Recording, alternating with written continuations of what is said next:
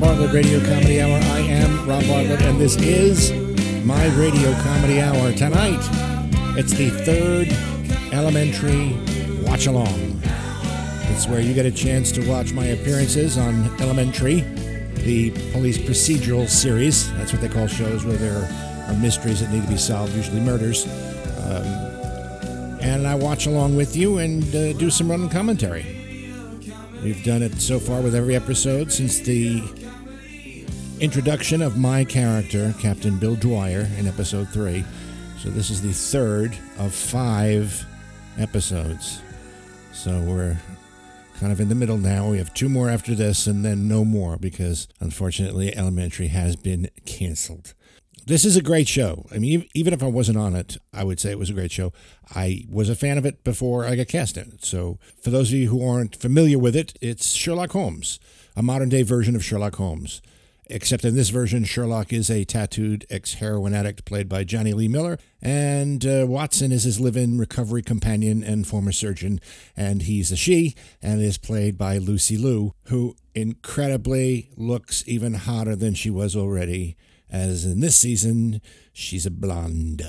The show also stars Jon Michael Hill as Detective Marcus Bell. He's the young whippersnapper crack detective. Uh, Holmes has kind of taken him under his wing and acted as his mentor. In fact, the last episode of last season, Holmes uh, recommended Marcus for U.S. Marshal. He's very fond of Marcus.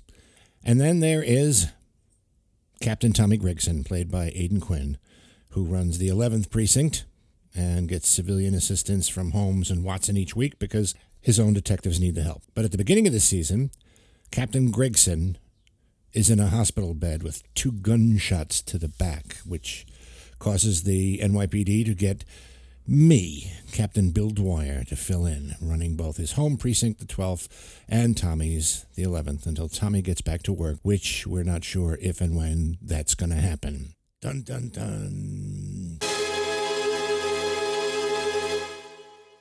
It's brilliantly written, directed, and performed. Uh, Robert Doherty uh, created this series seven years ago, and this is the final season. Unfortunately, they uh, they canceled it.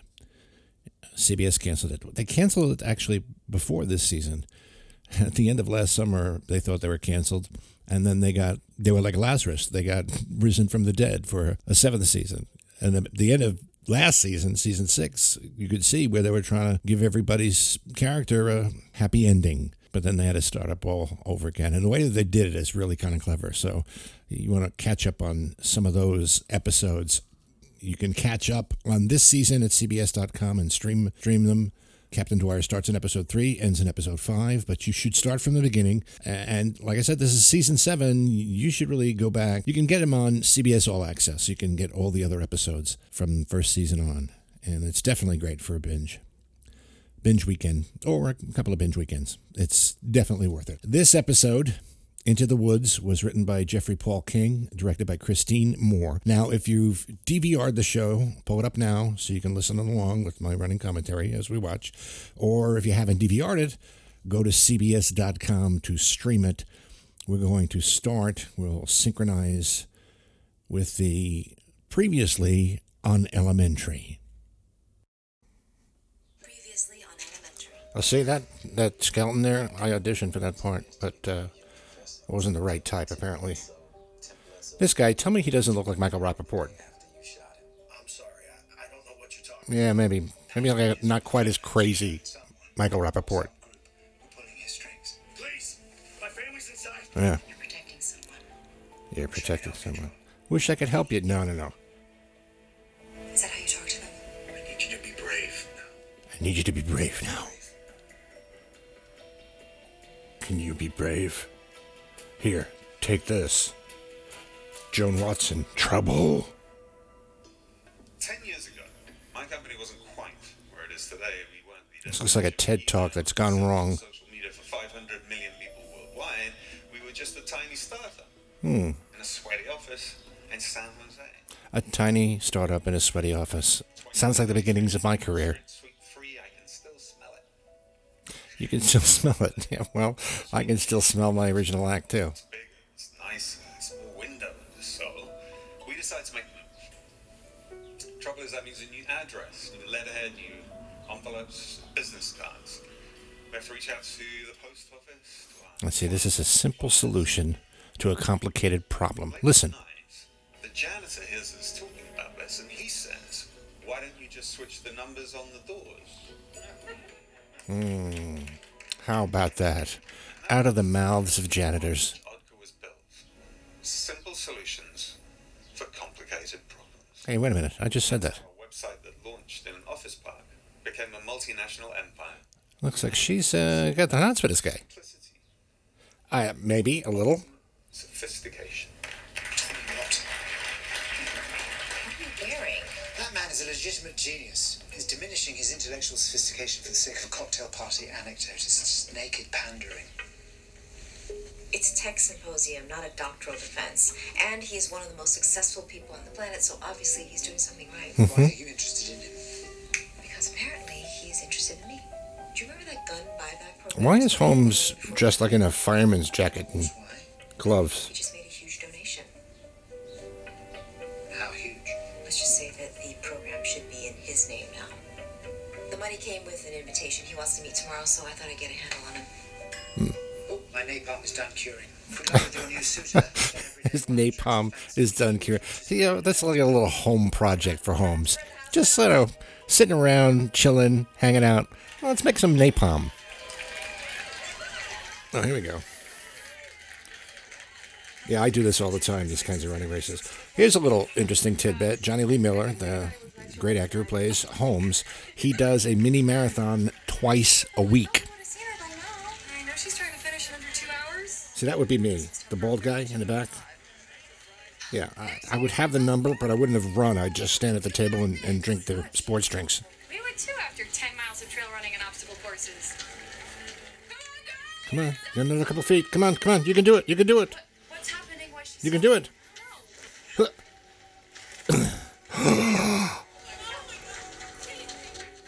Somebody stabbed her in the back. Literally. Yeah, one of the great openings of a TV show ever. Great credit sequence. I love this Rube Goldberg thing. Amazing. The mouse, by the way, um, in that opening, he and I share an agent.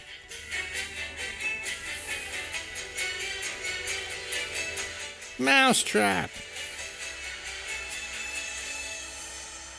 Elementary. In color. Okay. Well, this is commercial time. Let's uh let's fast forward until the segment begins. Okay, now we're back. Here is uh Detective Bell, Marcus, at the crime scene. was 27. Sherlock, making some notes on his phone. I think he's playing Angry Birds. Isabel worked in admissions at this ritzy private school in Tribeca, St. Mark's. She always took a lot of flack when rejection letters came out. Angry parents. Ah, she worked at admissions at a college. Could this be an angry parent who didn't let their kid into her college? I don't think so.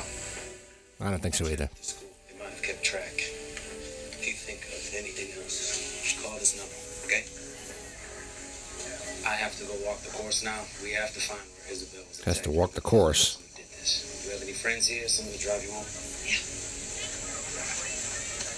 um, detective. Hmm? There is no course. No course. Sorry? This is an adventure race. It means there's no set route. No set route. See, that's be a kind of running race that I would take, you know, and then just kind of get lost in the woods and then run out at some point at the end and, and make everyone think that I actually ran the whole thing. I think I heard it's something like 3,000 acres. Finding out where Isabel was attacked. 3,000 acres? Take days. Happened in the southwest corner of the park near the edge of Richmond. The southwest corner of the park. See, a normal human being would take days to find. Of course. Sherlock knows exactly.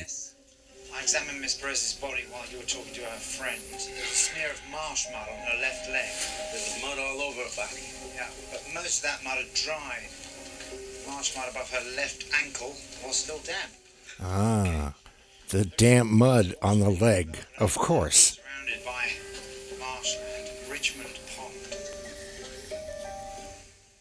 Well, see, he wasn't playing Angry Birds. Precious mark on her body. We can assume the area around beyond is where the attack went down. She had a six-inch blade in her back. She couldn't have made it far in that condition. Sure Sherlock's signature look, by the way, is a long sleeve shirt and jacket. Uh, the shirt is buttoned to the top, but no tie. It's semi business attire, yet he likes to party. Mm hmm. Oh, the old abandoned shack in the woods trick. All right. got metal pots, copper coiling, Metal propane pots, tanks. copper coiling, Bootleg distillery to me. propane tanks, a distillery. Uh oh. Well, it's certainly a crime scene, but I don't think it's where Isabel was stabbed. Oh. She wasn't stabbed there. There's two distinct sets of footprints. Uh oh. Neither one of them is small enough to be hers. Uh huh. I doubt she was ever even here. So, Blood, that is. whose blood is that then? Someone else's. Obviously. The knife in her back pierced only muscle, didn't sever any major arteries. That's why she was able to escape and make it to the finish line before succumbing to her wounds. This spatter is more consistent with a shooting. Judging by the amount of blood, I'd say a fatal one. So someone gets shot here making moonshine or whatever. Isabel runs by during the race, It's a witness that the killer feels compelled to deal with. Mm hmm. but he doesn't shoot her. He stabs her. Mm hmm. That makes sense to you. Mm hmm. I think we have to identify the first victim before we got a chance of solving anything. We have to find them before we can identify them. Yeah, we gotta find a victim before we can identify him. See, this is why Bell is such a great detective. These marks were made when the shooting victim was dragged out of here. The heels of his shoes made them. Before he was Let's follow the mark on the ground to where Looks like he was weighed down with some big rocks. That's where they ah. used to be. I'll get the victim is weighed down by rocks. Research, social media, to scientific research. Odger is more than Odker, just a we're back here. Odger is your son. Miss Watson. And There's Miss Watson. Oh, I don't understand. Seriously, come on. She's such a great actress. I had such a great time with her. She scared the shit out of me in Kill Bill as O-Ren Ishii. Drive me where? And when I told her that, you know, I had nightmares for weeks after seeing her in that, she said, Oh, but she had a reason. a reason to be scary. All right, this guy looks like Miss Watson. Hawkeye's reject from the Avengers. Sorry about the field trip. It's just the only time I get any bandwidth these days is during my archery, and I didn't want to miss the opportunity to. Of course, you have to do your archery. Narrow. It's pretty low fi for a high tech guy. Exactly. It's prime. Settles the mind. Yeah, archery, it settles the mind. That's what I always do when I have a couple of hours.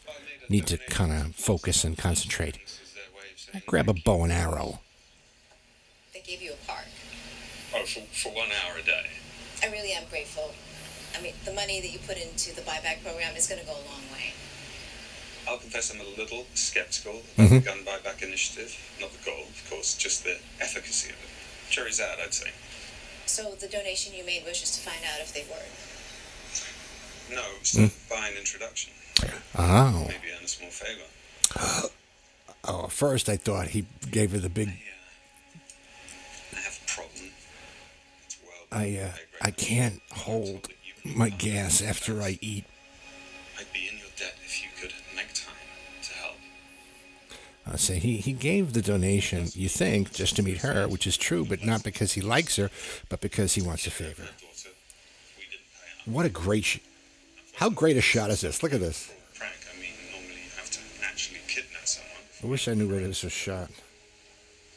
I'm guessing somewhere in Brooklyn. All right, his Abigail, she's 16. All right. Whoever sent this knows somebody's trying to blackmail him, who's out, where friends are, and what you and your partner threatening to kidnap his niece.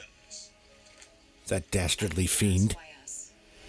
I'm sure you have people on your staff who can handle this. Yes, I do have good people on the payroll, but that's the problem, you see.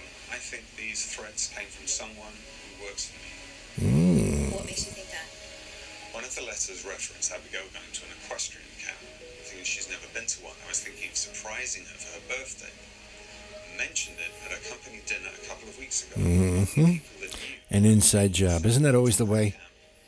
The Oddpet employees were there that night, and my head of security, is one of them. So you need an outsider. My niece is in real danger. My mother's a wreck. I won't rest easy until this is settled. Can you help me? Mm-hmm. Well, yeah. You give me all this money. How did it go with your billionaire admirer? Our billionaire admirer, it turns out, he knows all about us and he wants to use us. What is Holmes eating? into kidnapping threats Always curious. us. So these Characters eat, like what they eat and why. What did you say? Can you get a, a close up of what he gave our he's eating, please? Oh, okay. This is sort of Bread. what we do, no? The least one could Keeps do it is always very simple. Just carbs to keep the, the brain going. Easy target for lowlifes and miscreants. Any threat against her is more likely a haphazard shakedown than a legitimate risk. It hardly seems worthy of our time. You seriously don't want to help? I'd like to know why you do. And before you say the donation, it was certainly generous, yes, but the whole reason it's called charities because it requires no recompense. Well, I think a relationship with Odin could be a good thing. And before you say it, I am not talking about sex. I was going to say it. I'm thinking about our work. I mean, the guy is sitting on the most extensive trove of private user data in the world. I mean, you don't think that would be a nice resource for a couple of detectives? How do you suggest we proceed? See, that's Holmes' version of a fidget spinner. This is late tonight. Is like bread. Are coming from someone inside Otgar. Access to everyone's computers, we should be able to find out who. See? Yep. Here we go. Were the divers successful? Twice as successful as we thought they'd be. Twice. Two bodies. Two bodies. Maybe at the morgue. Meet John Doe, late 40s, gunshot. See, I auditioned for that part too, but, uh, exactly when it happened, I wasn't guessing bald. Sometime early this morning. Well, there's not much tissue damage around the entry wound. Must have been from a small caliber round. Fired from something weak. About a single shot Remington Derringer. Scuba team found it in the pond next to the bodies. A bodies. Remington Derringer single shot. You know what? If you're gonna get shot in the head, you should get shot in the head with an antique. His trace. Hoping we have better luck with him. They're running his fingerprints and dental records. If they're in the system, we'll have his name in a few hours. Any luck IDing the second victim? Actually, yeah, according to his collar, his name is Truffles. Truffles. See, I, I auditioned for that part. Is also no, killed this pig? Hog, actually. not a pig. I had doubts myself It's a hog. I saw photos of the recovery operation. Both bodies were weighed down the same way. Same rope, same knots, same heavy rocks from the edge of the pond. Same knots, same rocks. So its demise wasn't caused by the Derringer. How did it die? Working on it. Uh, we're a little outside my area of expertise. Mine too, but you and I have dissected enough animal cadavers in medical school. Dilated pupils like this in a mammal could mean that it was fed something toxic. Already sent a blood sample to Somebody poisoned the pig. Someone hog. I'm sorry, hog. Why hide its body? So a man in a forest and his hog, both killed at the same time. Unless we're looking at the fallout from the world's most nauseating love triangle, we have The world's most nauseating love triangle. I don't knock it till you've tried it, Holmes. Okay, more commercials. Let's fast forward to where we pick it up.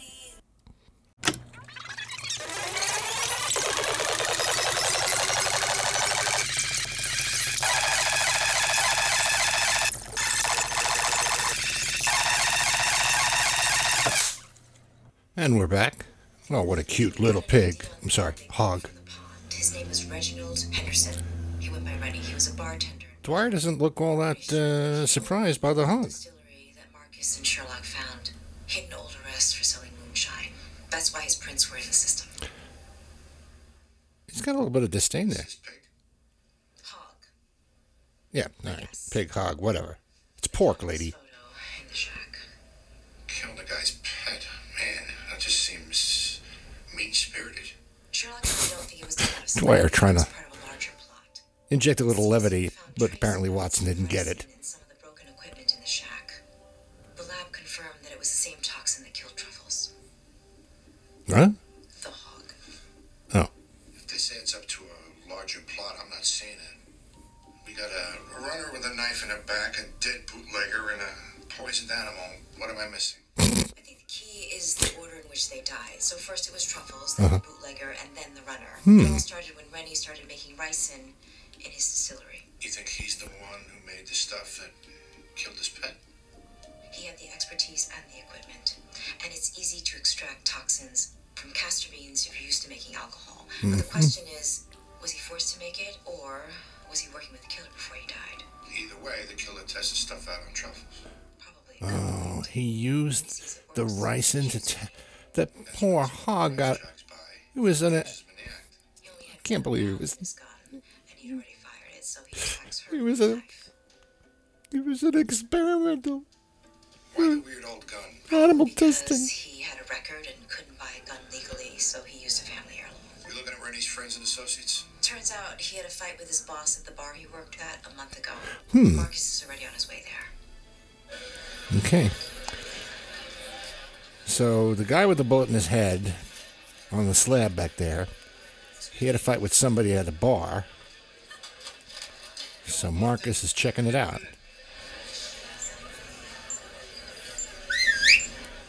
This reminds me of that scene in 48 Hours when Eddie goes to the country bar.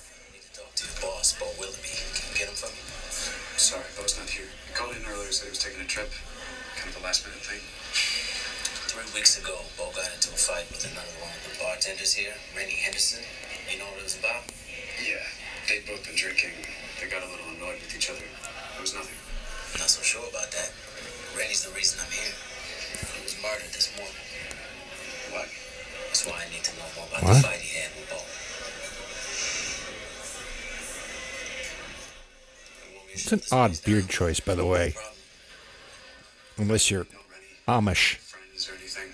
But I know he had a side business making moonshine. It here and they would share the profits. Moonshine. That day that they was. He said Bo was taking too big a cut. Started swinging. The next thing you know, the customers are calling the cops. They stayed mad or was? Bo fired said Bo had better watch his back. That was the last time I saw him. hmm You need anything else? Yeah. Yeah, Bo's number. I just heard from Marcus. Looks like Rennie's boss could be our guy. His name is Bo Willoughby. He's putting out a finest message. Okay. What is that? I mean, I can see it's a wine bottle. Yeah, the uh, floor of Rennie's shack was covered in glass. I was studying a crime scene photograph, and I noticed that some shards in the corners really stood out. I sifted those chunks out of the rest of the parts CSU collected, and I could see why. They're older, decades older. All right. So he he took the pieces of broken glass on the floor. The section where the label would be is missing, hence the modelling claim.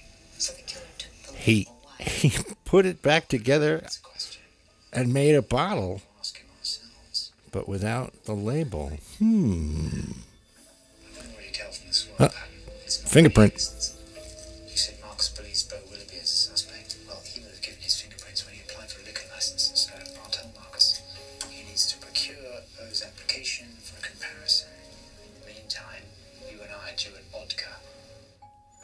Mm-hmm. All right. Thanks so much for coming. Back at Oddcare. Yes. I understand we're here to find a quisling in your organization. Probably one of my guys in the coding. All right, well- was toasting them when I made the comments that. Captain Dwyer doesn't show up again until later on in the episode, so you know what? But you continue watching so that you know exactly what's going on. So that way it'll be satisfying when you find out what happens at the end. And while you're doing that, I'm going to go get something to eat, and I'll come back when uh, Captain Dwyer returns, which is in the last segment of the show. Pay attention, though. It's it's it's kind of a very intricately plotted scheme. But as Holmes would say, something is afoot. Or, you know, hoof.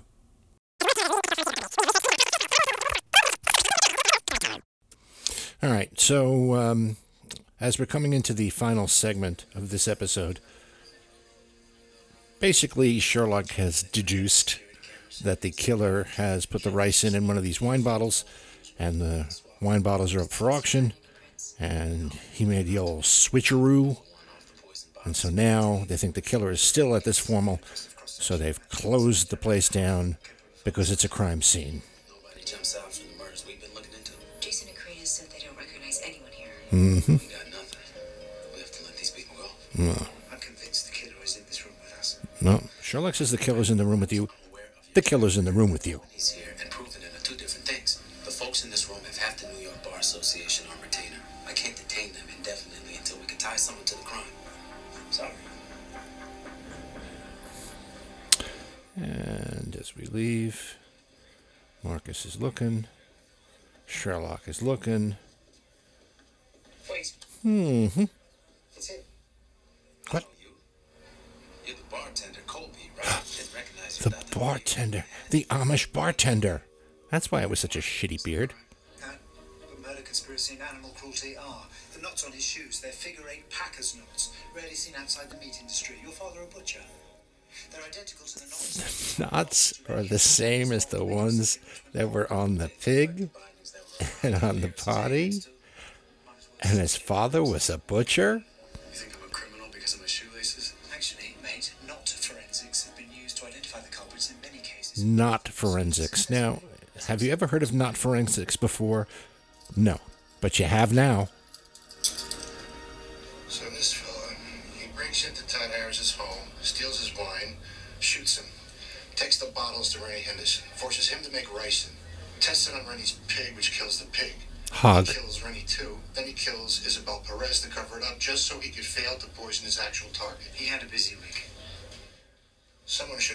idiot there are simpler ways to kill a man. Maybe not if you're. He still got it, Captain Dwyer. His plan wasn't complicated. See, as Captain Dwyer has to kind of fill everybody in. He's basically the Basil exposition for this episode. Tackle Woods. Why's that? Because he's been obsessed with Karina Wood for a long time, ever since high school. Mm. They grew up in Montana together, and he followed her to New York. He was arrested for stalking her. He served five years for that and an unrelated weapons charge. You were right. That's why he couldn't get his hands on a decent weapon. Mm-hmm. While he was inside, he read that Karina had got married, and that outraged him. She was his and his alone. How was he going to get rid of her interloping spouse? Inspiration struck when he found out that Karina's new husband had a taste for Chateau Baptiste 57. Chateau Baptiste How come she didn't recognize his 57. Because the last time she saw him, he was 200 pounds heavier. Well, the last time she saw him, he was 200 pounds heavier and had a beard like an Amish guy. To see a convict using their time productively. Perhaps this time around he'll wear the great American novel. I suppose he'll have the rest of his life to figure it out. Once again, it's been solved. Now, this character is going to return next episode. And I don't know about you, but I think there's a good chance that a bow and arrow is going to feature into it. I don't know. I mean, I don't really read the scripts, the entire scripts, so I kind of experience these shows the same way as you do.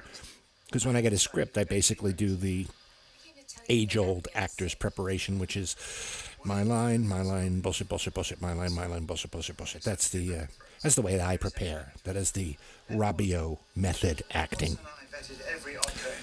All right, well, he's going to tie everything up here and set us up for the next episode. Uh, that about does it for us here on the Rob Bartlett Radio Comedy Hour. Hope you enjoyed this particular watch along.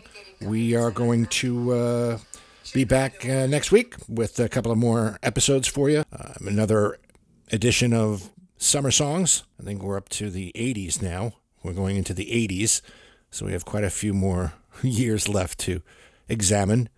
And uh, there may be some other fun things. We haven't decided what they're going to be. I have the whole weekend to think about it. Don't put any pressure on me, okay? I'm I'm going to work it out. Don't don't worry about it. Just leave it leave it to me. And uh, of course, next Friday we'll have uh, the fourth elementary watch along.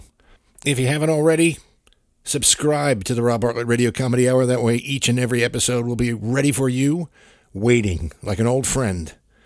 Tell your friends and family. Tell them to start following us.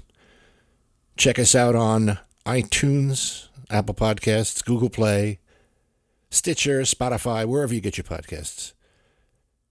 And then leave us a review. Leave us a nice review because it helps other people find us there on the interwebs. You can follow us on the Rob Bartlett Radio Comedy Hour Facebook page. You can also follow us on Twitter at the Robio, R O B I O, on Instagram, Robio007, as well as Robio Radio Comedy. We have two Instagram accounts because we're that big. And we're also uh, available by email. Drop us a line. Robio Radio Comedy Hour at gmail.com. Our program produced by Gary Grant and me, Rob Bartlett. written by me with special help from the legendary Andrew Smith. The Rob Bartlett Radio Comedy Hour theme song, music and lyrics by Gary Grant, performed and recorded by Steve Mecca. No animals were harmed in the recording of this podcast, not even pigs, uh, hogs. and I don't think that was a real hog anyway. I think it was a stunt hog, and it, it might have been out of rubber. I don't know. I wasn't there when they had it, I swear. I had nothing to do with it. We'll see you again next week on the Rob Bartlett Radio Comedy Hour, and until then, be good to each other, won't ya? Someone should have told this idiot there are simpler ways to kill a man.